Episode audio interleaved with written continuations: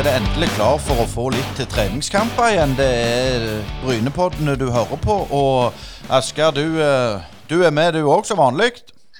Ja, jeg, eh, jeg blir ikke noen treningskamp på meg, men jeg er med, ja.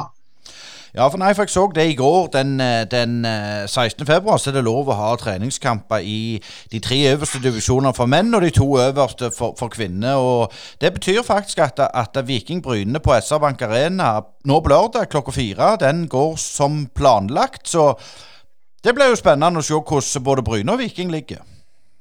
Ja, det er klart det blir jo sikkert kjekt for, for alle spillere å komme i gang med litt eh, kamptrening. Eh, det har jo ikke vært for mye av det. Men eh, det gikk jo ikke så Even frykta. Han frykta jo ikke start før ute i mars.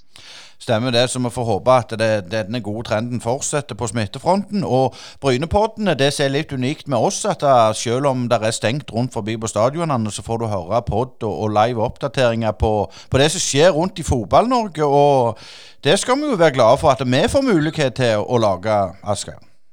Ja, helt klart. Og i dag har vi òg henta inn eh, to gjester som eh, som vi skal presentere, og som skal komme med litt nyheter. Og hvem er de?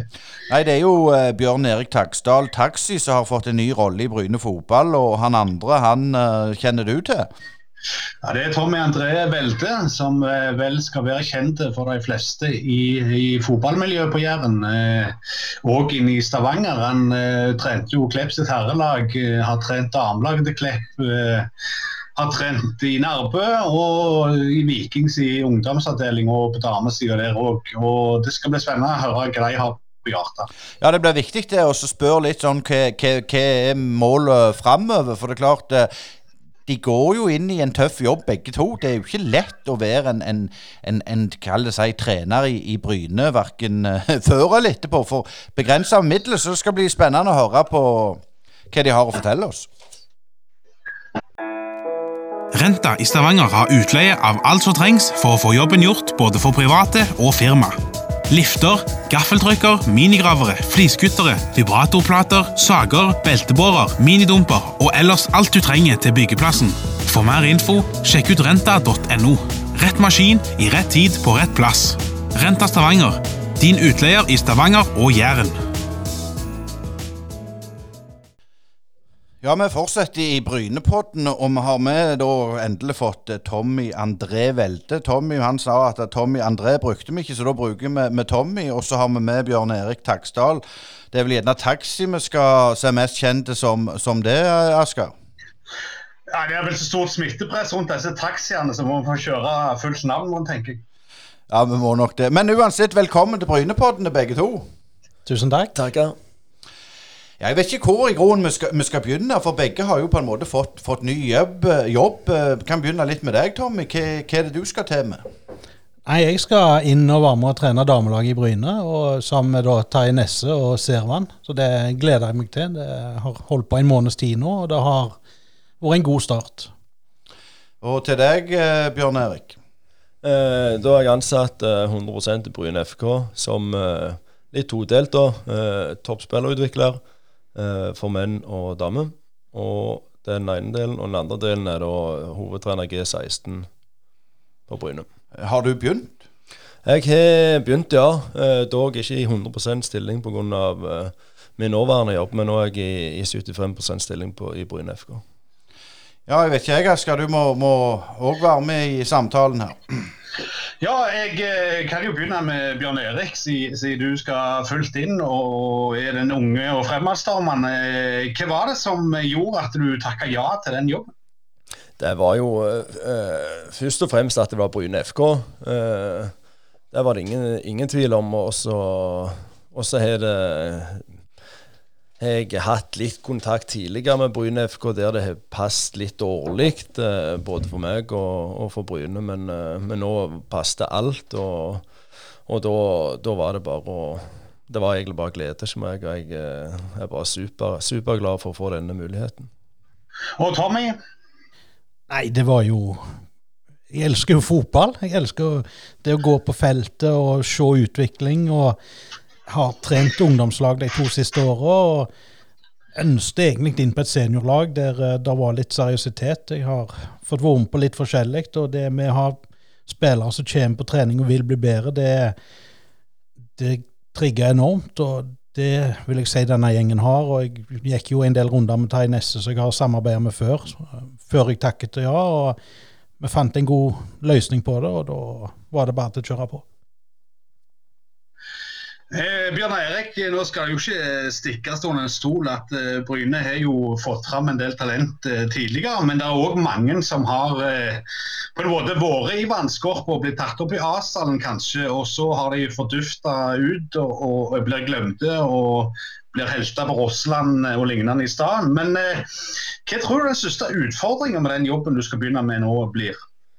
Uh det tenker jeg er litt, litt, på det du er inne på nå. Uh, dette med, med, før de eventuelt spiller seg inn på en elver uh, på et A-lag, så, så, er det en hard jobb for, for spillerne i, på A-laget. Det å være nummer Si disse gode unge har alltid vært vant med å være blant de bedre på sitt lag, og så kommer de på et A-lag der de må slåss om å være med i en kamptropp. De må slåss for å få de minuttene med spilletid. Eh, så, så, den jobben der, å snakke med dem og fortsette å gi dem sjøltillit og, og de må ha et utviklingsfokus, for, det, for det, det kommer ikke, du kommer ikke inn på et A-lag nødvendigvis med en gang. Så, så, det krever Det er et maraton der for å komme inn på, inn på A-laget. Eh, så det er, det er en primær oppgave å være en god samtalepartner, en støttespiller, sammen med, med de andre rundt, rundt laget. da.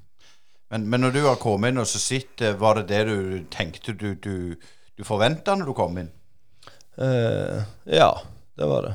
Uh, uh, absolutt. Og, og, nå har jeg vært med på, på herre-A-lagstreningene denne uka og får sett på en helt annen måte enn du gjør på, på fjernsyn og, og på, på, stadion. Så jobbe tett med dem, ha litt samtaler før og underveis av treningene. Så så jeg tror, eh, jeg tror, de får en uh, mulighet i fall, til å få veldig god tett, tett oppfølging.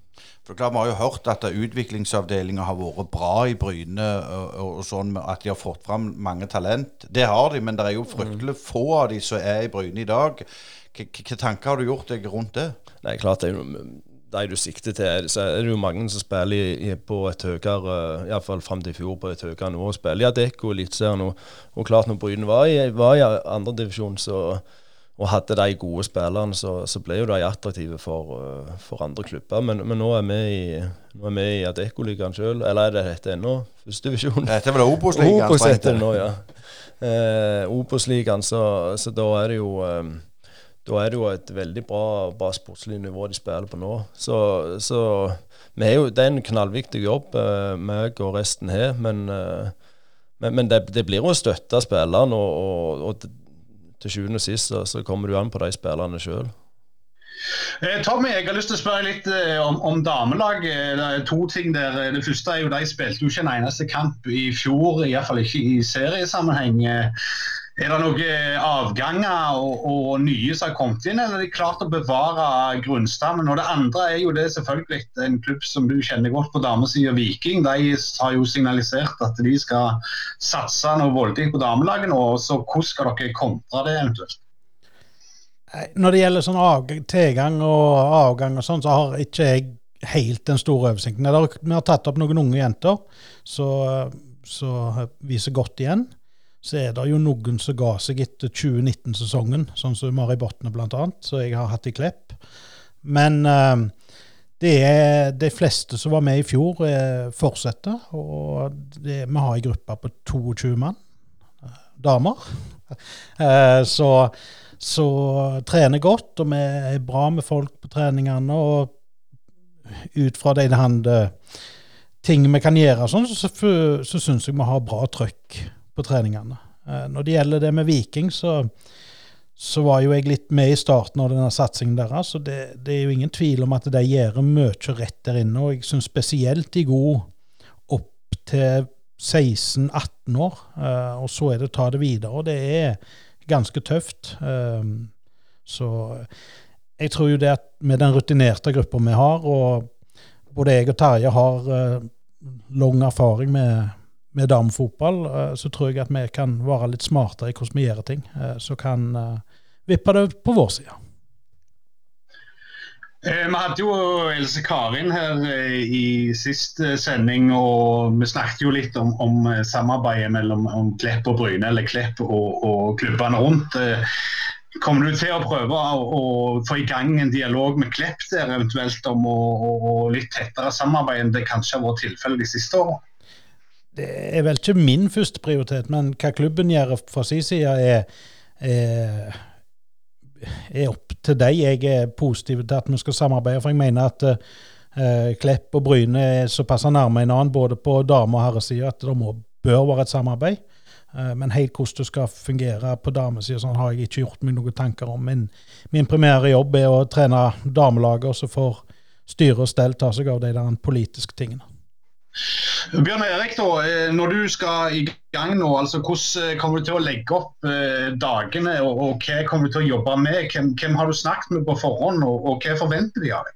Uh, ja, når det gjelder, når det gjelder Hvis vi snakker om uh, herrene først, da, så så hadde, hadde meg og Even, da, for det er jo, må få med det at Even Sel er jo fortsatt uh, toppspillerutvikler. Uh, så går jeg der inn og supplerer han, for det, han jobber jo, også, jobber jo en del med Eller jobber mye med det uh, ja, andre ting rundt, rundt et A-lag som går på struktur og analyse og disse tingene. Så, så, da kom jeg inn og avlastet han litt på, på det som går på å fylle opp eh, de unge, unge, spillerne i A-lagstroppen. Eh, så i dag eh, hadde meg Even en, en liten time eh, samtale med Daniel Karlsbakk. Eh, ble kjent med han. og så og så er det, det sånn det kommer for min del, da, så blir det viktig å bli kjent med disse spillerne. Eh, så nå framover blir det en del spillersamtaler med de som de som jeg skal følge tett opp, da, bli kjent med dem, sette og følge opp utviklingsmålene og, og, få en god, god relasjon til dem. Og, og, det,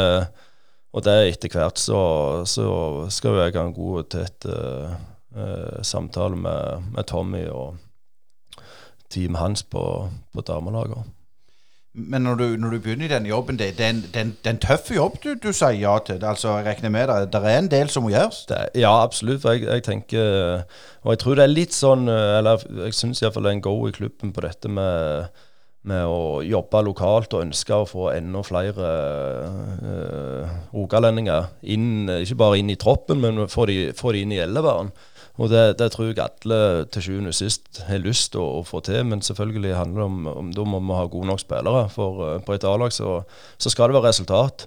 Så, så, vi må jobbe for å få de gode nok. Og det er jo litt sånn så min erfaring òg, da. Uh, hvis vi spoler tilbake uh, ja, Det blir jo altfor mange år. Men når jeg var i når jeg, var, jeg hadde to år i, i Bryne senattropp. Uh, og, og da klart, eh, da merker du det som, som, en eh, spiller. Hvis du ikke er på laget, da, så merker du hvor mye, mye fokus er på, på, på struktur og, og få en elver til å sitte. Og, og, da er det klart, eh, og sånn skal det være. En hovedtrener og, og det teamet der jobber for å få resultat. Og så, så, så er det viktig å ha, ha spillere eller trenere rundt som klarer å følge opp de som ikke får, får den kamptreninga. og og ikke få de tøffe treningene eh, som blir gjerne litt mer eh, eh, sykespillere på enkelte, enkelte treninger. Så, så viktig, og, viktig at de òg får gode treninger, og, og at de klarer klarer å jobbe godt med dem. At, at, de skal få, få de, den intensiteten i treningene. For, for ja, som sagt, i et A-lag så, så, blir det resultatkrav. Men, men, min jobb da er jo å ta vare på, på de som ikke er på laget òg. Men, men der når du er inne på det, det er klart du har jo hatt en, en, en veldig lang og god karriere på, mm. på lokalfotballnivå, mm. men, men, uten forkleinelse. Du klarte liksom ikke den siste cutten. Nei. Um, det, altså, det, er jo knalltøft å komme opp på det nivået. Og er det ikke gjerne litt naivt å tenke, hvis Bryne ligger i Obos nå, at vi skal liksom klare å få så mange opp til det nivået. Er, er, er det grunnlag for det på Jæren? Ja, men det, jeg, jeg, tenker Av og til når jeg snakker med noen, så Først og fremst må vi, jo tåre å drømme. Uh, det må vi absolutt. Men, men jeg tror alle, eller iallfall mange, hvis de tenker på gode årganger eller gilde år og går på stadion, så tror jeg mange vil si akkurat de årene jeg var der. Eh, ikke pga. at jeg spilte, men sant, det var året etter vi rykte ned fra Eliteserien. Og hvem spilte på det laget? Det var Roger, det var Kai Ove, Jarle Mong, Bjørn Ingar Skydland, Jørn Hagen, eh, Vidan Ikke, Magnus Uland. Altså, da, da var det lokale spillere som kom fra breddefotballen og gjorde en kanonjobb. Så, så absolutt at det, det er mulig, men, men de, de, må være gode nok. Eh, men også, vi skal snart over til, til, til, til damesida. For det er klart, der òg er det jo noe med tanke på også, ressursbruk. Altså Bryne er jo ikke en klubb som flyter over melk og honning. og Hva ramme jobber du under nå? Uh, nei, hva du tenker på? Nei, Jeg tenker på hvor mye får du lov å bidra, hvor mye får du gjøre, egentlig? Ja, uh, som sagt, så, så nå begynte jo mandag, og, og altså jeg har jo blitt veldig godt uh, tok imot av Even og Jan Halvor Halvorsen og, og resten av det A-lagsteamet der. og jeg har kommet, kommet, og fått være med på i garderoben før trening. Jeg er på feltet, så, så jeg, det ligger jo det, blir absolutt ikke lagt noen hindringer i veien for, for, at jeg ikke skal gjøre en god jobb. Så da, til sjuende og sist, så, så eh, står det på meg og de andre rundt spilleren, og selvfølgelig spilleren sjøl. Men, men, men jeg, jeg, legger såpass mye krav til meg sjøl at dette skal jeg få til. Eh, Tommy, jeg har lyst til å trekke deg også litt inn her som, som lokalfotballekspert. Eh, når du trente herrelag på Klepp, så var dere vel i, i playoff. Var det opprykk til Obos i den tida, hvis jeg husker riktig. Eh, eh, hvordan er ståa i lokalfotballen nå for tida? Altså, det virker jo som det har stagnert litt siden du var på topp. Det var jo både Ålgård og Klepp eh, habile lag nokså høyt oppe i seriesystemet, og det er ikke tilfellet nå lenger. Hva, hva, har du sett de siste si, ti åra? Det er vanskelig å si, for jeg har, det er så lenge siden jeg har vært med. Det, jeg ga meg i Klepp på herrelaget i 2010, og så hadde jeg et år i Ålgård, nei, i Nærbø i 2017. Og jeg ser litt kamper og sånt innimellom, men jeg tror nok det går litt på det med seriøsitet. Jeg merka jo på slutten av den tida vi i Klepp at det var mindre, de var mindre villige til å trene. Med, de fire årene jeg hadde i Klepp, så trente vi ganske godt. Vi var oppe i fem økter i uka, og det var i tredjedivisjon. Eh, mens nå er det vanskelig å få de iallfall opp i fire. Så, så, jeg tror eh, det går er en, en faktor. Uh, så Nei, altså det tror jeg altså er det, det har jo blitt en spissing uh, i seriesystemet. Du har uh, Annendivisjon er blitt mye mindre, tredjedivisjon er blitt mye mindre. Uh, Fjerdedivisjon er blitt kutta. Uh, så, så, det er nok en del grunn til at en del lag blir uh, havna på et lavere nivå enn de var før. Uh, men det med Jeg tror det med treningsvilje og Jeg vet ikke helt hva de gjør i Nordfylket lenger, men det virker ut så, så at uh, enkelt, det er litt enklere å få de til å trene mer der oppe. Og det følte jeg ikke var, var noe jeg holdt på i tredje divisjon. Du Bjørn Erik, du har jo òg erfaring fra lokale klubber. og Merker du noe av det som Tommy sier her, eller er det annerledes på f.eks. Varhaug? Eh, det er nok eh, litt uh, forskjell fra klubb til klubb. Klart Jeg var jo held, veldig heldig i, i Varhaug med den gjengen jeg hadde der, som var en, var en ung Stammen der var jo av de som kom til gjorde det veldig godt i NM for junior-NM for et par år siden. Så, så det kom jo opp ei, ei veldig god gruppe der, samtidig som, som de eldste i A-lagstroppene jeg hadde, de var 4-25. Så, så jeg hadde en treningsvillig, veldig treningsvillig gjeng. Men jeg støtter, støtter Tommy i, i de tingene der, og, og, der er nok noe av utfordringen med at eh, for Bryne sin del å hente, hente spillere fra andre breddeklubber så, så, er det jo et stort sprang da, på, på den, det, det, som går på treningsmengde. Da. Uh, når, jeg sitter, når jeg sitter disse treningene denne uka med Bryne, så er det knallhøyt tempo og, og stor presisjon og, og stort trøkk. Og, og, klart, der er jo, der er jo breddeklubbene en del unna. Men, men,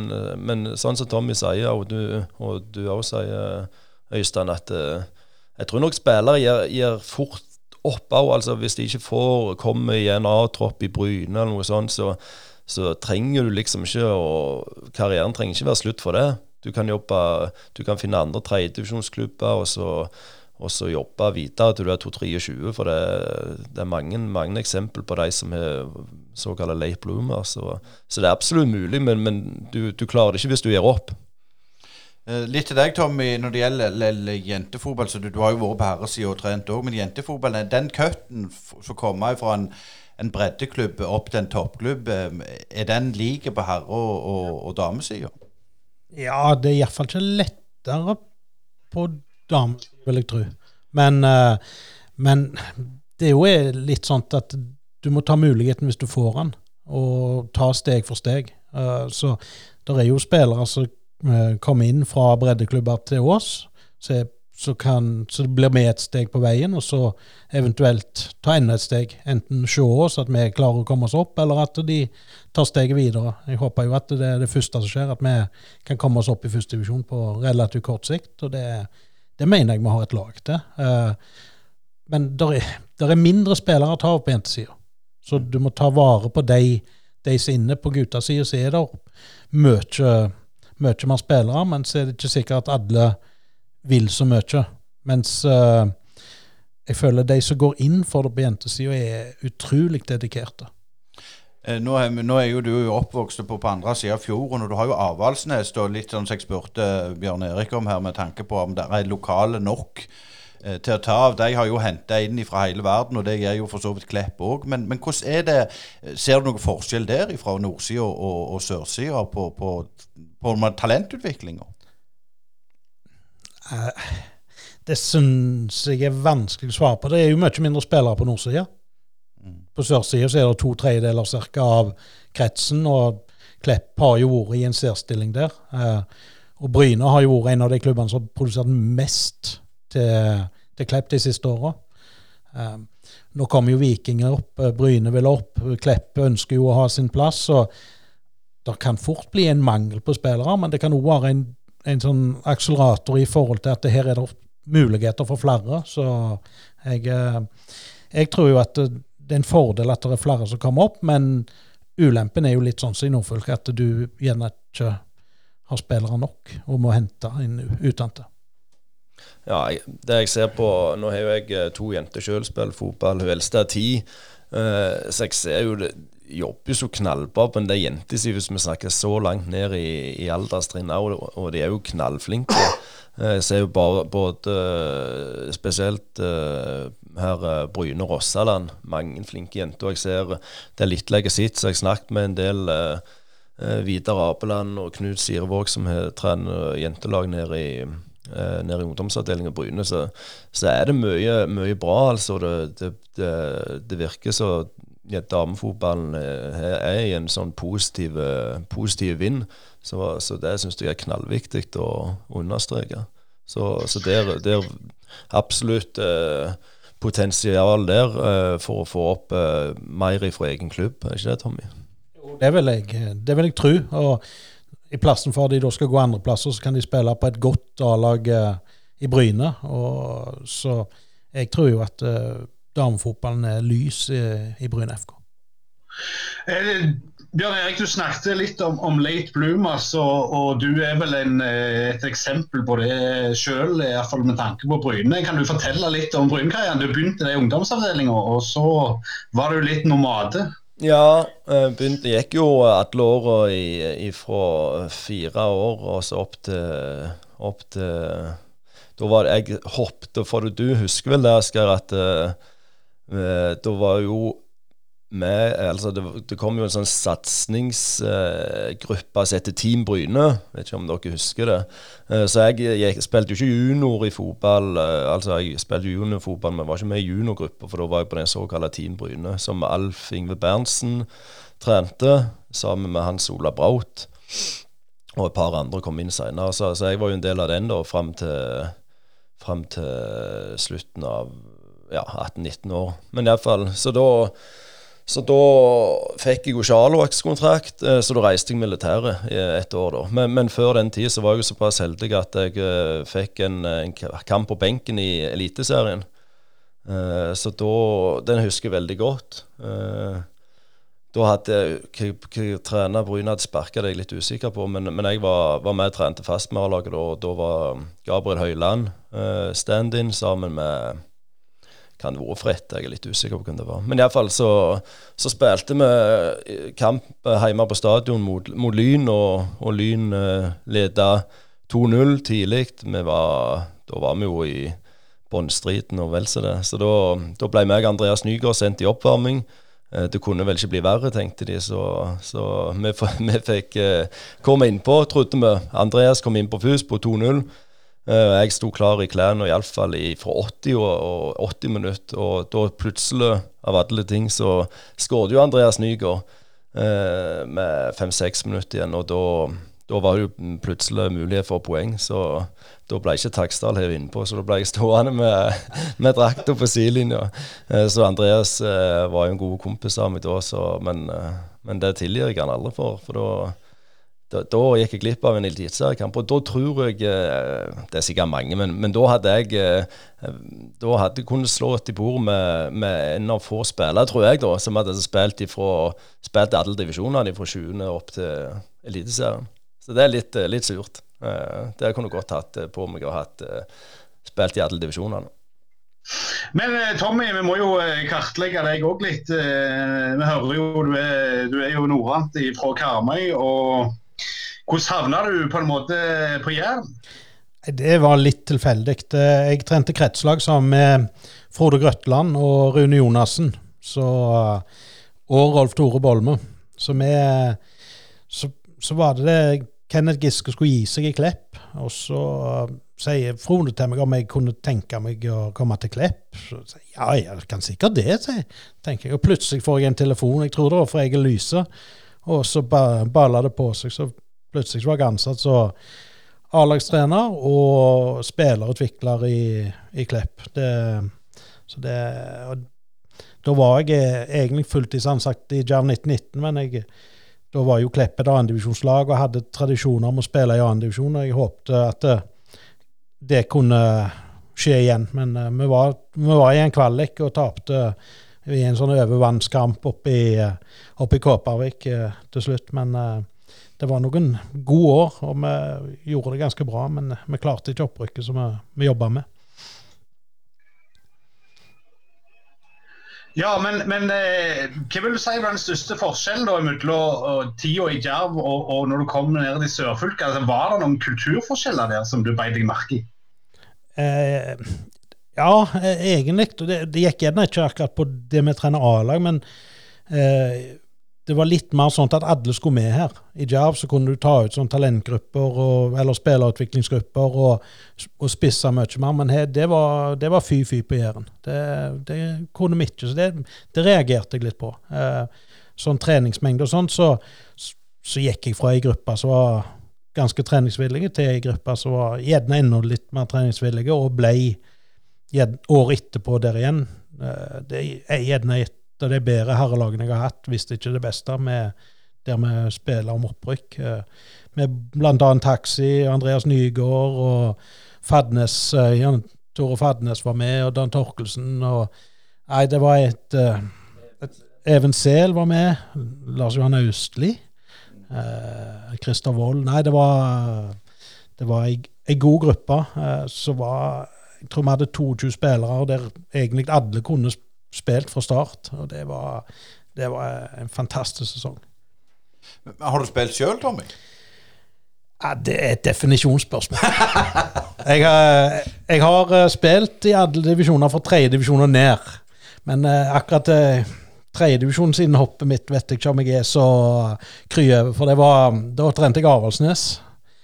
Og så møtte vi Vea, som er min klubb. Og vi leda 4-0 så setter jeg meg sjøl inn på i det 90. minutt. og Det var ikke så mange værbuer som var så glad i meg da. Det verste av alt var jo at jeg var ti centimeter fra å skåre mål på et innlegg, så det, da hadde det vært ekstra gale. Men det Så jeg har aldri hatt noen stor fotballkarriere. Jeg begynte tidlig som trener og tror jeg gjorde det rette valget.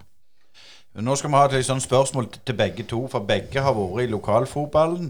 Eh, og jeg innbiller meg at begge har hatt jeg vil ikke kalle et anstrengt forhold til, til Bryne, men, men et, et, litt ambivalent forhold, kan vi vel si, pga. det med, med, samarbeid og sånn.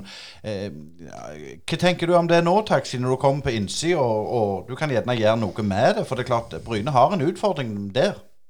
Vi jobber med, med breddeklubber, eller lokalklubbene. Eh, ja, det tror jeg Det tror jeg Det tror jeg godt de kan ha, ja. Det blir litt sånn eh, jeg, jeg, jeg, tror vi må vi, Når jeg sier vi, så er det Bryne. At vi må jobbe enda hardere og få til et veldig godt samarbeid med, med breddeklubbene. Eh, eller lokalklubbene. For det, det, er et, eh, det, er så viktig hvis vi, hvis vi vil komme der og utvikle bedre enda flere spillere på både gutter- og jentesida. Så, er lokalklubbene en nøkkel oppi der, altså. Så, så absolutt, eh, absolutt må, vi, må, vi, ha et enda bedre og tettere samarbeid med, med de klubbene. Det er det ingen tvil om. Det er jo allerede sant? Vi er litt å trene på Undheim, vi er på Vare og trener, vi er på Nærbø og trener. Så, så bare på den anleggssida viser jo allerede at vi, trenger, det, trenger, godt samarbeid til de klubbene. Men jeg tenker litt på det du snakket om når du var spiller sjøl. Det var Team Bryne, du hadde uh, Altså, for meg som står litt på utsiden, så ser det ikke ut som at akkurat det med å trekke lokale talent og trene dem og la folk få muligheten, er på en måte godt nok. Eh, eh, har du noen tanker rundt det? Nei, eh, jeg, jeg, støtter jo, og det var jo sånn jeg tenkte jeg òg når jeg sto på utsida, at det, eh, her, det, det, er et potensial der. Og så tror jeg Jeg har snakket med daglig leder, jeg har snakket med sportslig leder eh, Roger om disse tingene, og, og, og, det er en vilje til å, til å, få til bedre ting. Det er det. Eh, for din del, Tommy, på altså, deler du òg det synet? Eller hva syn hadde du når du, når du var på utsida? Nei, når jeg kom til, Bry, eh, til Klepp, så, så var, hadde jeg ganske god dialog med Bryne. og Jeg var og så mye trenere, treninger, jeg snakket mye med trenerne. og, og vi rekrutterte jo mye spillere fra Bryne. Spillere som ikke fikk A-kontrakt og sånn, var naturlig å komme til Klepp, for vi hadde en god treningskultur. Så jeg hadde, det første året så hadde jeg et godt uh, forhold til Bryne, og jeg har egentlig hatt det hele veien. Men uh, når det gjelder dette her med med spillerutvikling og få opp sine egne, så var jeg litt med eh, Gabriel Høyland på dette her Team Jeder, eller eh, hva det, Jeg husker ikke hva det hette da, men det var de som var født i 92. De hadde jeg òg på kretslaget, så jeg var litt med der. Og, og vi hadde trening hver fredag, og kvaliteten var, tror jeg, på den tida bra. Men jeg tror at enkelte klubber har gått ifra Bryne når det gjelder disse tingene her. Jeg tenker spesielt på Viking, så jeg kjenner godt etter å ha jobba der i tre år. Så har de bygd opp et system som jeg vil påstå ingen i, i Rogaland i alle fall har maken til, i forhold til hva ressurser de har, og hva, hva de kan bruke. Um, så jeg er helt enig i det Taxi sier, å komme oss rundt. Jeg husker når jeg, når jeg jobba i Viking, så var vi på Orstad, hadde foredrag, jeg og Kjell Inge Olsen. Og da, Noe av det første Kjell Inge sier når vi står der og skal fortelle, sier han her burde vi aldri ha vært, for her burde Bryne vært og hatt dette for dere.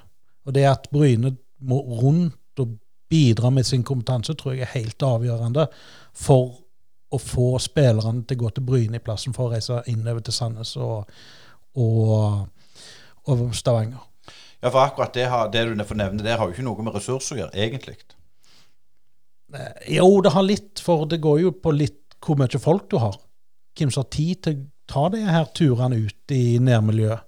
Og hvis det er få folk som skal gjøre alt, så, så vil det jo bli over, overbelasta en gang. Men eh, det å reise rundt av og til, eller få folk inn til Bryne Så de har jo, de har jo hatt en del trenerkurs de siste åra, eller impulssamlinger Bryne. og det det må de fortsette med, for det tror jeg er lurt i å bygge relasjoner til naboklubbene og, og spre den kunnskapen de har, eller kan, kan gi videre. Eh, Tommy, når du først er inne på dette, altså eh, Viking eh, fikk jo en del midler i sin tid fra Subsea 7 var det vel, til å begynne å satse på ungdommen. og vi så vel eh, det slå ut i blomst når de nesten ikke hadde penger igjen eh, for noen år siden. Eh, at ungdomsavdeling og egenutvikla spillere var holdt nivå og mest vel så det. Men er det, hva er det Viking har gjort riktig på det feltet? Kan du forklare oss litt hva de har gjort? De har ansatt mye folk til å trene fra de er seks-sju år. Du har denne fotballfritidsordningen som blir drevet av profesjonelle folk når, de, uh, når jeg var der inne, så hadde de noe sånn uh, Jeg husker ikke helt hva det er. Mer, mer sånne sånn satsingsruss på Eller de differensierte på, på den FFO-en. Så de beste fikk trene sammen tidlig med god kompetanse. Og vi var vel fem-seks som var ansatt uh, i ungdomsavdeling nå, da. Nå tror jeg de er 15-16. Så det det er noen uh, enorme tall, eller uh, mye ressurser de, de, de, bruker nedover. Og det, det tror jeg er veien å gå, men du må jo ha, ha de ressursene. Og det at taxi kommer inn i, i Bryne, tror jeg er utrolig viktig. Men, og du har fulltidstrener på 19-årslaget. Uh, men jeg mener de bør få enda flere inn. Eh, både på herresida, men òg på damesida, der du kan eh, drive enda mer på spillerutvikling. Ja, taxi, da hører du dere to mann fast tilsatte, så da må dere jobbe for åtte. Det blir travelt, dette? ja, det blir travelt. Det gjør det. Men eh, eh, klart Viking har jo, har jo, noen vanvittige ressurser, og det er jo en gigantklubb i, i norsk sammenheng. Eh, det er det uten tvil om. Så de har sine ressurser, og så, så, tenker jeg det vi er ikke på, på det nivået på, når det gjelder på kvantitet og, og de tingene der. Men um, akkurat nå så kan ikke vi som sitter der gjøre så mye med det. Vi, vi må jobbe knallhardt med, med de oppgavene vi er tildelt. Og så må vi være veldig lure, og så må vi være gode å evaluere, og så må vi være gode å og, og, sikre eller kvalitetssikre om vi gjør en god nok jobb. Uh, og det, det det er det vi må forholde oss til akkurat nå. Så, så selvfølgelig som klubben framover må jo, må jo vurdere disse tingene som dere snakker om, selvfølgelig. Men, men, mitt primære fokus er her og nå å, gjøre en, en, god jobb med de midlene vi har nå. Eh, Asker var jo inne på det med at vi hadde Else Karin i sist pod her. Eh, kvinne eliteutvikla, jeg vet ikke mest hva stillinga er, men, men, hun nevnte jo det at, at herreklubbene på en måte subsidierte damesatsingene både i Europa og i Norge, f.eks. Sånn, så det kan jo du si, Tommy. Men, men, men det som jeg tenker på der, er det, er det bærekraftige måter å drive på? At uh, herreklubbene skal subsidiere dameklubbene? Ja. Det vet jeg ikke. Uh, men jeg tror gjerne at uh, hvis du ser på de største klubbene i Europa, så hun sannsynligvis sikter til, mm så har de så mye ressurser at de kan uh, bruke litt av det. Og så er det en litt sånn uh, at du ser helhet på ting. At du, du, ikke Nå er jo det med likestilling eh, en viktig ting, og da kan de vise at det, ja, vi, vi satser opp på damene, og det, de, vi gir dem et uh, godt tilbud. tror jeg er like viktig for dem som akkurat det at de, de tar noe av ressursen som gjerne kunne brukt. Og jeg tror at du kan få inn litt mer ressurser òg, eh, med at du gjør en sånn dobbeltsatsing. Men er det bare sånn litt sånn flåsete sagt, er det, er det, mye politikk i dette, tror du? Jeg tror det er en kombinasjon. Men jeg tror uh, det, kom, det, er nok litt politikk i det, men jeg tror at de ser et marked for det. At de ser at, uh, at uh, det med å satse på, på damefotballen kan gi de mer i, i enden.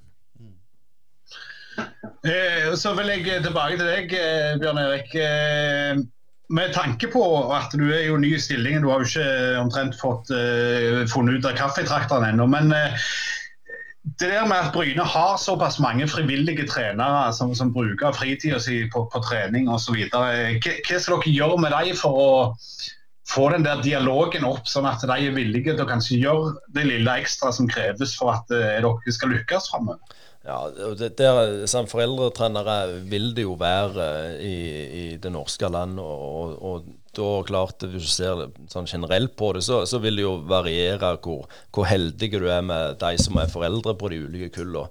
Men samtidig, så i en såpass stor klubb som, som Bryne, da, så, så, er det jo klart at Espen Unna gjør en kanongod jobb eh, nedover, nedover i barne- og ungdomsfotball med, med trenerveileder og og der er, jo, eh, der er jo Espen trenerveileder, og så er Arne Sjåland trenerveileder. Så det er jo to personer som, som jobber inn mot, uh, mot uh, treneren på aldersbestemte lag. Og det er jo en viktig, viktig funksjon. Og, og, for min del òg så holder jeg på Jeg skulle vært ferdig nå, men pga. korona så har vi ei samling igjen før jeg òg er trenerveileder gjennom NFF. Så så det med trenerveileder, det har vi jo, to av i klubben. Uh, og, og, de får en, uh, har en veldig viktig, viktig oppgave på det å utdanne trenere, rett og slett. Så, så, så det er jo en bete på hvordan det blir jobbet. Men det er jo alltid noen utfordringer rundt dette med frivillige trenere. altså, eh, og, og, Det er vel ikke alle som får et klapp på skulder alltid, og, og, sånne ting, selv om de bruker flerfoldige timer. Er det en utfordring eh, som det går an å gjøre noe med, Bjørn Erik og Tommy? Ja, det, det, jeg tror jo det, Som sagt så er jeg jo, jeg er jo foreldretrener sjøl på Nærbø. Og klart, eh, jeg vet jo hvordan, eh, hvor mye tid som blir lagt ned og stå ute i all slags vær på Jæren. Det er ikke bare bare. Og, og det er altså all ære til, til, alle de som gjør det. Eh, men, men det er litt sånn som Bryne holder på å organisere seg med trenerutviklere som, som er veldig hot. Og i, i Norge da, med trenerutviklere så er jo det ganske nytt, uh, ny utdanning. Uh, og veldig populær utdanning. Så, så jeg tror Bryne er iallfall på rett spor med, med å ansette trenerutviklere utviklere og, og, måten de jobber på, er jo målet at de skal være inne så og så mange ganger på, på de ulike lagene nedover i barne- og ungdomsfotballen for å følge dem opp og øh, for, å, for at treneren der skal føle seg sitt og, og få en klapp på skulderen. For, øh, for det, de er jo en ekstremt god jobb, rett og slett. Og, og, sånn er det i Norge, og vi, vi, vi må ta godt vare på dem. Tommy. Ja, jeg er jo helt enig i det Taxi sier, i forhold til at vi må ta vare på dem. Eh, og vi må gi dem en klapp på skuldra. Og jeg tror jo det at hvis du kommer og gir dem eh, Snakker med dem, gjerne tar ei økt av og til, viser sånt og sånn kan du jobbe, eh, og at klubben har en, en tråd som de jobber etter, og det vet jeg bl.a. Bryne har, i en sportsplan, og, og det blir fulgt den, så, så, tror jo jeg at det, eh, det gjør det lettere for foreldretrenerne. Og så er det jo viktig at klubben gjerne gir de noen sånne enkle påskjønnelser. Det tror jeg er oh, um, de setter pris på. Så vet vi jo òg Unnskyld. Ja, så, så dette som Tommy sier og, altså, Mennesker vi trenger anerkjennelse, og, og til og med eh, eh, Eller ikke til og med, men, men det er jo ekstremt viktig òg for foreldretrener. Som, der er du ut, i, altså Du kan ha to, uh, to ulike foreldretrener. De som jobber mye med fotball før, og så kan du faktisk ha noen der på noen kurs det har lite referanser fra fotballen. og og det å, det å, føle seg anerkjent og, og, få en klapp på skulderen for jobben, det er jo grunnleggende, rett og slett. Men, men bør det dras i gang en slags sånn, eh, nå høres det veldig flott en dialoggruppe eller et møte en gang i måneden eller en gang annenhver måned der alle i trenersystemet samles og de får helse litt på Jan Halvor og får noen tips på veien? og sånn. Er det noe Bryne må ta tak i dette? Eh, akkurat eh, om, om, de har det nå, det, tror, det vet jeg ikke, jeg ikke sett meg inn i, rett og slett. Men, men eh, det er jo absolutt en, en, god tanke og god idé. Men, men jeg tør ikke si ja eller nei på om, om de allerede gjør det nå. Men jeg, jeg vil skyte inn der med, med tanke på det med, med, foreldretrenere. For det er klart det, så, det er jo en ressurs. Det, det kan ikke, egentlig ikke måles i penger. Men, men, men det som Tommy sier, får de den påskjønnelsen i, i lokalklubbene, i Bryne, i Viking altså der føler jeg at det, det slurves. Hva er din erfaring med det, Tommy? Jeg, det er vanskelig for meg å si. Jeg, eh, jeg har jo vært foreldretrener nå de to siste årene med mine to stesønner, så Men uh, hva de får og hva de ikke får Jeg, jeg, vet ikke egentlig, men jeg, tror det de klubbene som er flinke til å gi litt anerkjennelse og, og å gi klapp på skuldre og, og følge litt opp, tror jeg vil få mye mer ut av det enn de som slurver med de tingene. Eh, vi skal vel litt over til, til Bryne A-lag. Eh, hvordan har du fulgt med på de de siste åra, Taxi? Det har jo vært litt sånn Nott og Gråten før det endelig slo til igjen i fjor? Ja, det har det. Rett og slett.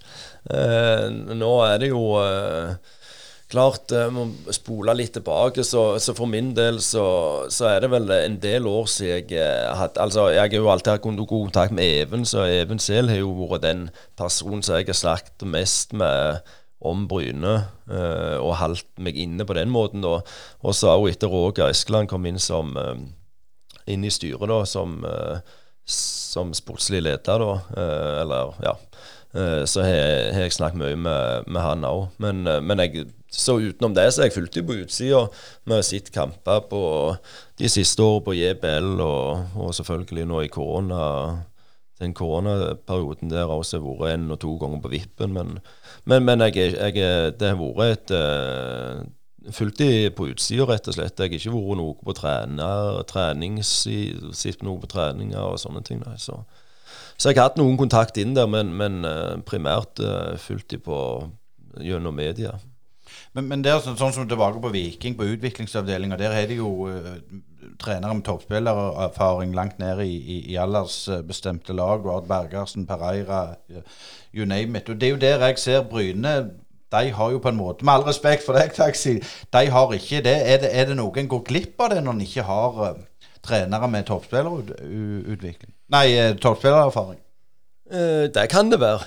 Det kan det være. Uh, samtidig så tror jeg både meg og Tommy er veldig opptatt av at en trener skal, skal ha mer enn en toppspillerbakgrunn. Altså både meg og Tommy har tok gode utdannelser og kurs gjennom fotballen. Og, og jeg òg jobbet veldig mye eh, siden jeg ble trener for å komme i denne posisjonen jeg var så heldig å, å, å få komme i. Eh, så, så jeg jobbet hardt for å komme her. men men klart det med toppspiller, tidligere toppspillerbakgrunn, det, klart det er jo mye å si med referanser, og, og gjerne de som du spiller, eh, de som du trener, vet hvem du er, og, og sånne ting. Men, men, det er ikke det primære. Det, det, er veldig viktig å understreke. For, for det, det, den trenerrollen er så mye mer enn at du, du skal være en god spiller. Men, men, eh, men, men det forbrytes en del da, å ha Knut Sirevåg som en trener på, på jentesida der på egne unger.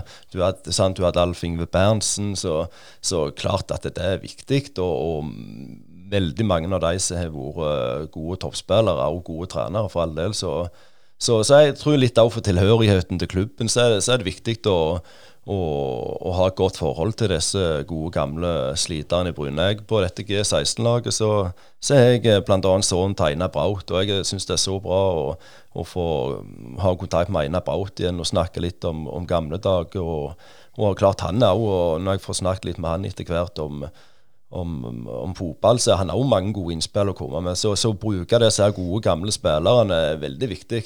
Det er det. Men, men sånn som på damesida, Tommy, der har du jo ikke trenere på, på jentesida som er jenter. Eh, hvordan jobber de i klubbene der og kretsen med å få flere jentetrenere? Det er bl.a. egne jentetrenerkurs, der de tar inn bare damer. Eh, eh, de, de har hatt jentefotballdager i klubbene der kretsen har, og de har et stort fokus på det. Og det som går på spillerutvikling òg, har, har, har, de ofte outsourca til herreklubbene på herresida, så har de brukt sine ressurser inn på, på jentesida. Så, så, kretsen har jo vært ganske bevisst på dette, og Rogaland fotballkrets har vært en av de beste i landet på det som går på jentefotball, eh, vil jeg si. Og, og, og, og klubb, eh, kretsen har vært utrolig flinke å produsere jentespillere. Det ser du jo i toppserien eh, både i Klepp og Avaldsnes, men òg andreplasser nå i landet der det er rogalendinger som spiller. Um, når det gjelder det med, med trenererfaring og toppspillererfaring, sånn som Taxi eh, snakket om nettopp, så, så, tror jeg det har en effekt. Men, men jeg tenker den rollen som Taxi skal inn i nå, og Even har hatt, det er jo to stykker som har vært på vippen eh, til å ta det steget det kan ha vært en erfaring, eller Den erfaringen de har med seg inn der, tror jeg kan være en kjemperessurs. For de vet Det har vært denne her. De, de klarte det akkurat ikke. Men, men de, har, de, har, helt sikkert gjort seg noen erfaringer for hva kunne de gjort for å komme inn på et A-lag i Bryne. Hva, hvordan kunne de blitt toppspillere? Så de kan formidle videre. Eh, og en annen ting i forhold til dette med, med toppspillere eh, og trener. Eh, jeg er helt enig i det Taxi sier, at det, det nytter ikke kun å være toppspiller for å bli en god trener. Du må faktisk jobbe ganske hardt for det. Du må, du må utdanne. Men Gabriel sa en gang, eh, jeg vet ikke om det var når han hadde foredrag for oss kretslagstrenere, eller for noe annet i kretsen, men det var iallfall i forbindelse med kretsen, der han sa at Brynes store fordel var at mange av de spillerne som hadde spilt på A-laget her når de var i Eliteserien eh, på 80-tallet, de bodde på Bryne fortsatt, og hadde da spillere i ungdomsavdelingen. Og de brukte den ressursen. Og Det ser du jo når du ser på hva spillere som spilte i Klepp, f.eks. med, med Hansen-søstrene, eh, som har en far som har toppspillererfaring. Eh, du har um, Trond Bjørnsen sin datter som nå spiller. Du har Egil Østenstad sin datter, selv om det er gjennom Viking. da, så, mm. så, så, jeg tror jo du skal være bevisst på å bruke de som har vært toppspillere. Men det betyr ikke at du er en god trener selv om du har spilt i Eliteserien. altså. Men Det er jo litt fint, det, Asker. Her har vi taxisjåfør. Ja, du klarte det meste, men Selvsagt er jo Tommy altfor blyg til å si at han har jo selvfølgelig trent begge disse her, så det er jo han som skal eh, ha litt æren her. Men eh, iallfall trigge litt interessen. Men det, eh, Tommy, du nevnte jo i starten at du er nokså fotballgal, og det har du jo vært så lenge jeg har på en måte vært i snakk med deg, selv om vi har ikke snakket så mye de siste årene. Men hvor kommer den der vanvittige fotballinteressen fra? Jeg, jeg likte å spille det, og jeg, jeg begynte tidlig å fascinere meg over dette her med, med lag og pugga engelske fotballspillere. Og jeg husker når jeg var 10-11 år, så hadde jeg sett opp laget vårt når vi skulle spille turnering, og printet ut på et ark som jeg ga til treneren min. Så helt hvor, hvor dette kom fra. Men at det tidlig interesserte meg for ikke bare å spille det sjøl. Eh, det det kom iallfall ikke fra foreldrene mine, for de var ikke interessert. Så nei, jeg vet ikke, men jeg hadde jo mange kamerater som spilte fotball, og jeg, jeg likte det sjøl. Så det, det, kommer nok derfra, altså. Jeg bare skyter inn der, men Du har jo en pedagogisk utdannelse og er lærer på Klepp ungdomsskole, og det har du òg, taxi. Men sånn så, hva, hva var det foreldrene dine jobbet med? Eh, far min er malermester og drev, eller driver fargehandel og håndverkerbedrift, eh, mens mor mi har jobba der i alle år. Men, men, dette er litt tilbake til det med, med toppspiller og, og være trener og sånn. Det er klart, Nå er jo dette med pedagogikk så veldig jeg kaller det litt sånn inn i tida. Jeg, jeg, får jo kjeft for det at jeg, jeg har jo søster som lærer, og, og, eh, hun sier jeg er så lite pedagogisk. Så, så det, nå kan du få, få svar her. Men, men, men, kan det bli for pedagogisk når du er trener? At du glemmer den passion-biten? Det kan det sikkert.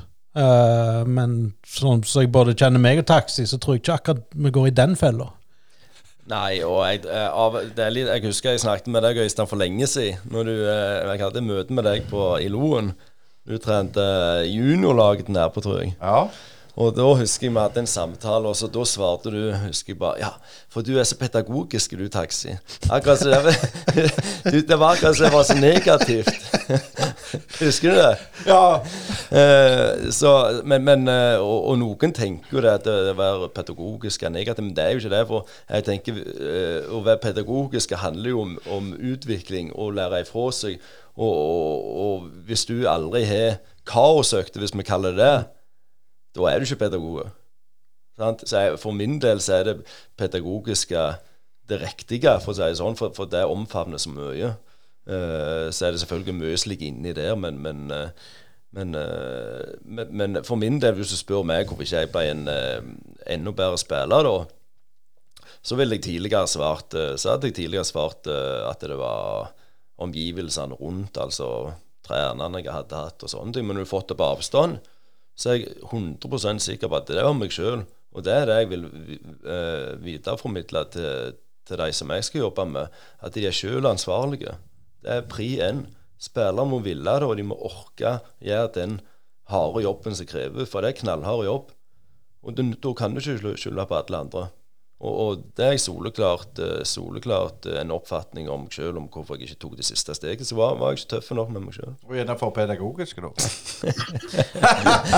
ah, jeg vet ikke om jeg vil kalle det når han var spilte, men han var det mest pedagogiske da, iallfall. Nei, ja.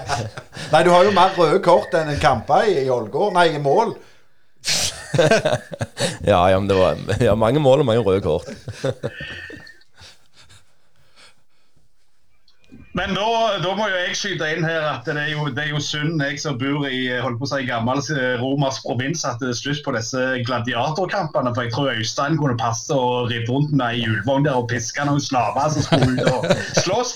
Eh, men eh, Hva slags eh, Hvordan er ståa nå, eh, i og med at vi har ennå en koronaepidemi som går? altså Blir det sesong? Hva, hva er utsiktene? Hvordan trener dere? Hva er utfordringene? Uh, nei, hva vi, vi, må jo ta hensyn i forhold til, til metersregel og sånne ting. Vi, vi prøver å lage øvelser der det ligner mest mulig på kamp.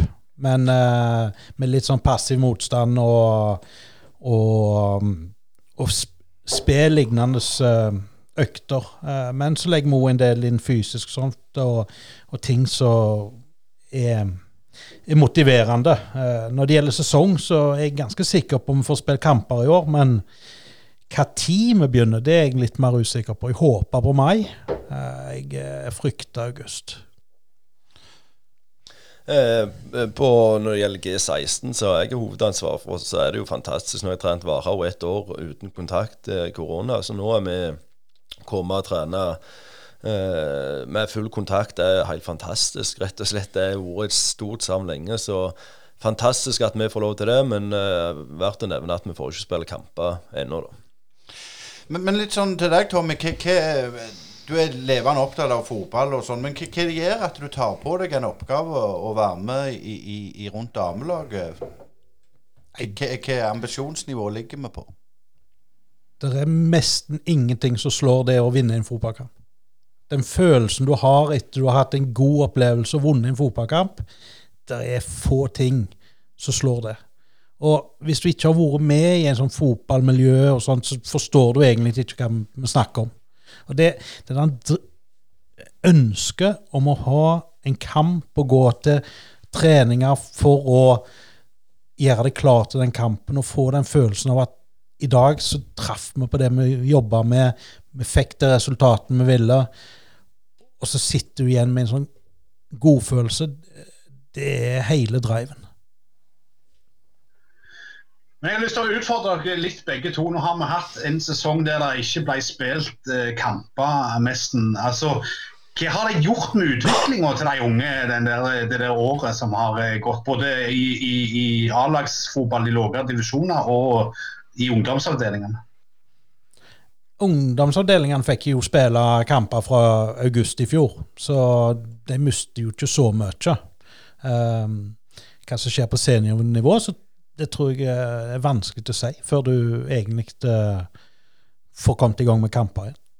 Men, uh, men at det har vært negativt for uh, seniorlag i breddefotballen, det er uten tvil. Det ser vi både på frafall blant lokalklubbene på spillersida og jeg vil jeg påstå for, for Bryne og, og, andre toppklubber i distriktet, så er det òg vært minus. For det at mange spennende spillere i 15, ja, 15-16-årsalderen som gjerne spiller på A-lagsnivå, som, som, ikke har fått uh, gode nok utvikling, utviklingsarena uh, når det gjelder kamp. Så utelukkende negativt. Eh, absolutt. Men hva, er det slags folk som gir seg eh, taxier? Kjenner du igjen typene, ja, eller er det litt overraskende?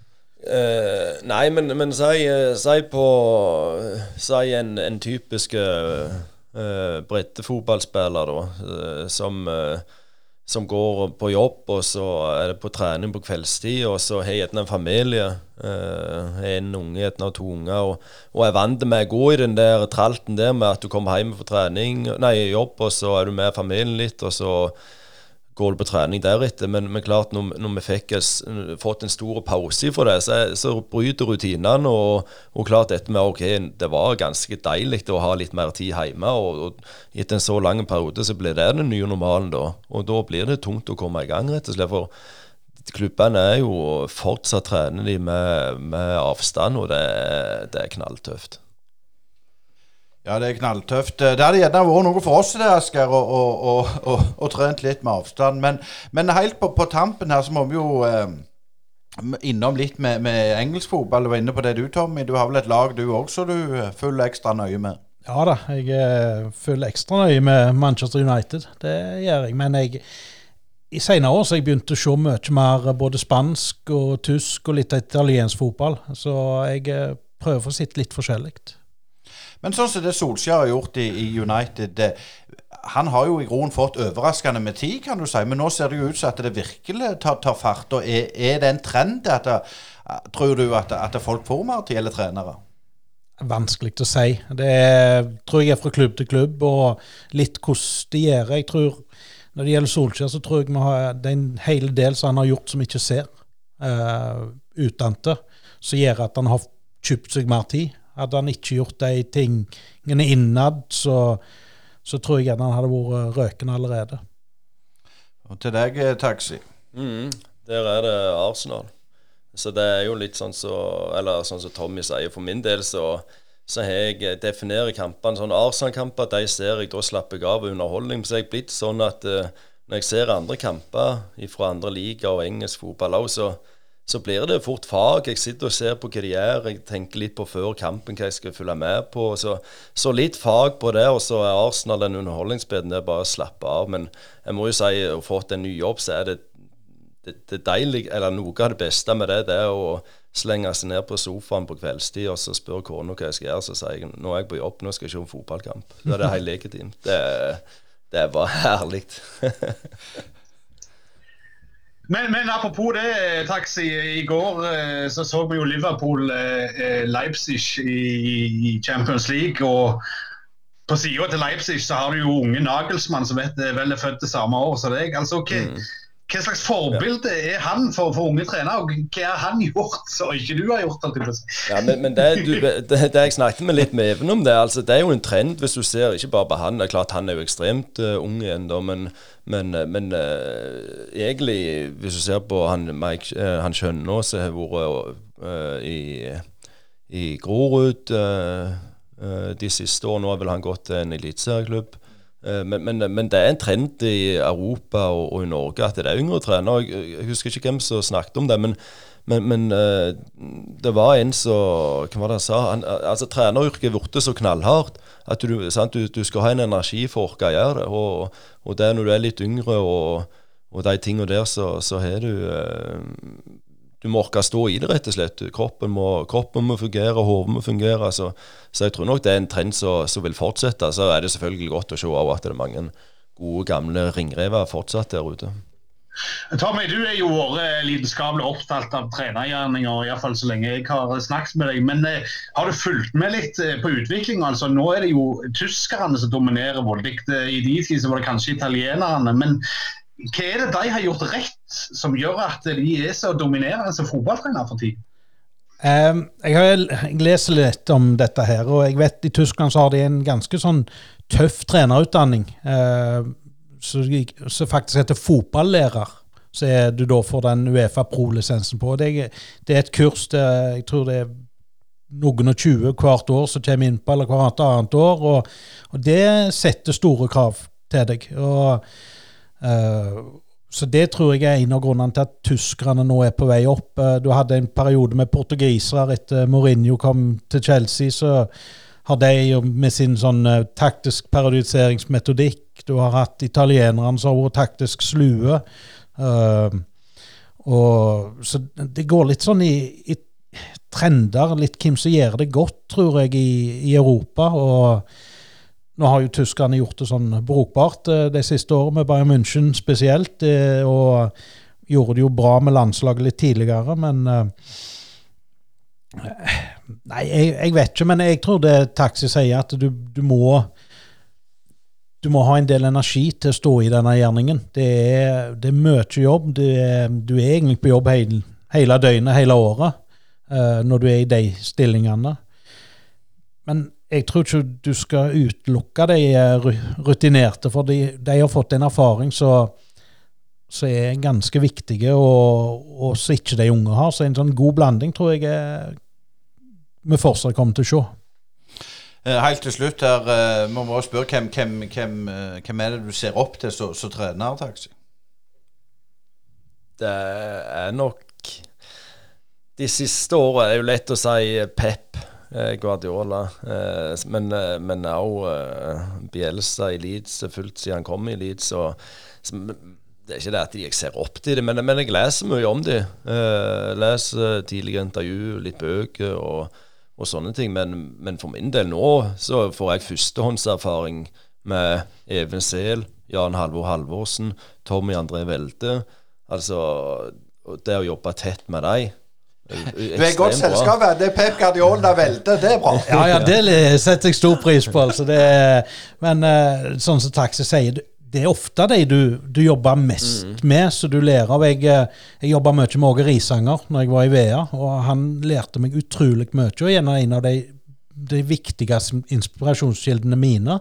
Uh, og så, Jeg har jo hatt en eh, en softbot for Mourinho helt til han begynte nå å bli litt sånn uh, ugrei i media. Men fram til han Jeg kan ikke si han mista det, men uh, den måten han organiserte lag på, og sånt, det, det var jeg utrolig fascinert over. Jeg liker godt Pep, men jeg uh, syns han i Bayern München og Hansi Flick er utrolig sånn som de spilte forrige sesong, var helt utrolig å se på. Ja, Du hører det, Asgeir. De har ikke greie på det. Det er jo Jørgen Klopp som kan dette her. Men det var utrolig kjekt å ha dere i Brynepodden, Tommy og, og Taxi. Tusen, tusen takk for dere stilte opp. Bare hyggelig. Takk, en ære. Renta i Stavanger har utleie av alt som trengs for å få jobben gjort både for private og firma. Lifter, gaffeltrykker, minigravere, fliskuttere, vibratorplater, sager, beltebårer, minidumper og ellers alt du trenger til byggeplassen. For mer info, sjekk ut renta.no. Rett maskin i rett tid på rett plass. Renta Stavanger, din utleier i Stavanger og Jæren. Du hører fortsatt på Brynepoddene, en podkast om fotball, og både lokalt og nasjonalt. Og i, i dag så hadde vi to eh, skal vi si, lokale, lokale innslag, eh, Asgeir, og det var interessant. Ja, det var veldig interessant. Eh, Det er jo tilbake til Bryne for, for taxi. Og Tommy har jo ikke vært i Bryne før, og det blir interessant å se hva de skal utrette.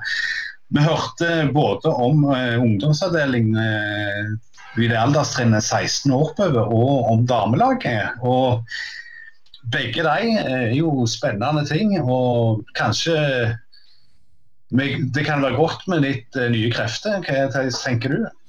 Ja, jeg tror det er alltid godt å få en litt nytt blod, og, og det med talentutvikling, det skal vi jo faktisk ta litt eh, videre i, podden framover òg. Da skal vi gjerne gå litt høyere på litt nasjonalt nivå, men klart utviklingsarbeid for klubber à la Brynesens størrelse alfa og omega, for du klarer ikke kjøpe deg til, til suksess og, og holde en høy standard. Så det blir en viktig, viktig forretningside det der framover, tror jeg. Og de virker jo som de, de brente for det de skulle gjøre.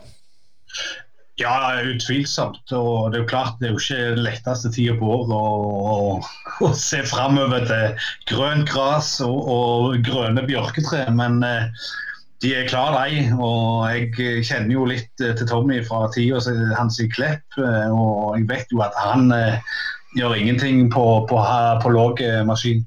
Nei, og så må vi jo òg bare øh, minne om en spleis vi har. Gå inn på Facebook, skal ikke mase for mye med det. Og T-skjorte selger vi til, til inntekt for drift av podden, så det er bare til, til å gi beskjed til oss. Og så liker vi òg tilbakemeldinger, Asker. Både, både ris og ros. Det gjør vi, og vi kan godt eh, ta imot tips eh, hvis dere har noen eh, potensielle folk som vi kan snakke med, og som dere mener vi bør snakke med. Utover det så gleder vi oss jo selvfølgelig til at det skal gå en treningskamp nå snart igjen. Det blir kjekt å se litt fotball igjen for Norge, Øystein. Ja, det var på tide, og nå blir det jo selvfølgelig Viking Bryne på SR-Bank Arena på, på lørdag. og ja, Det skal bli godt å få litt uh, ballen til trille igjen, for nå er det, nå er det nok vinter og nok uh, covid. Så nå håper jeg at eh, det ikke bare du som er fullt vaksinerte, og at vi, vi, får, vi ser lyset i, i enden av tunnelen. Og får får håpe det ikke er toget som kommer. Ja, Det er vel stor fare for at når meg og deg er ute, så er det toget det går i. Men vi får prøve videre iallfall. Vi snakkes om ei uke.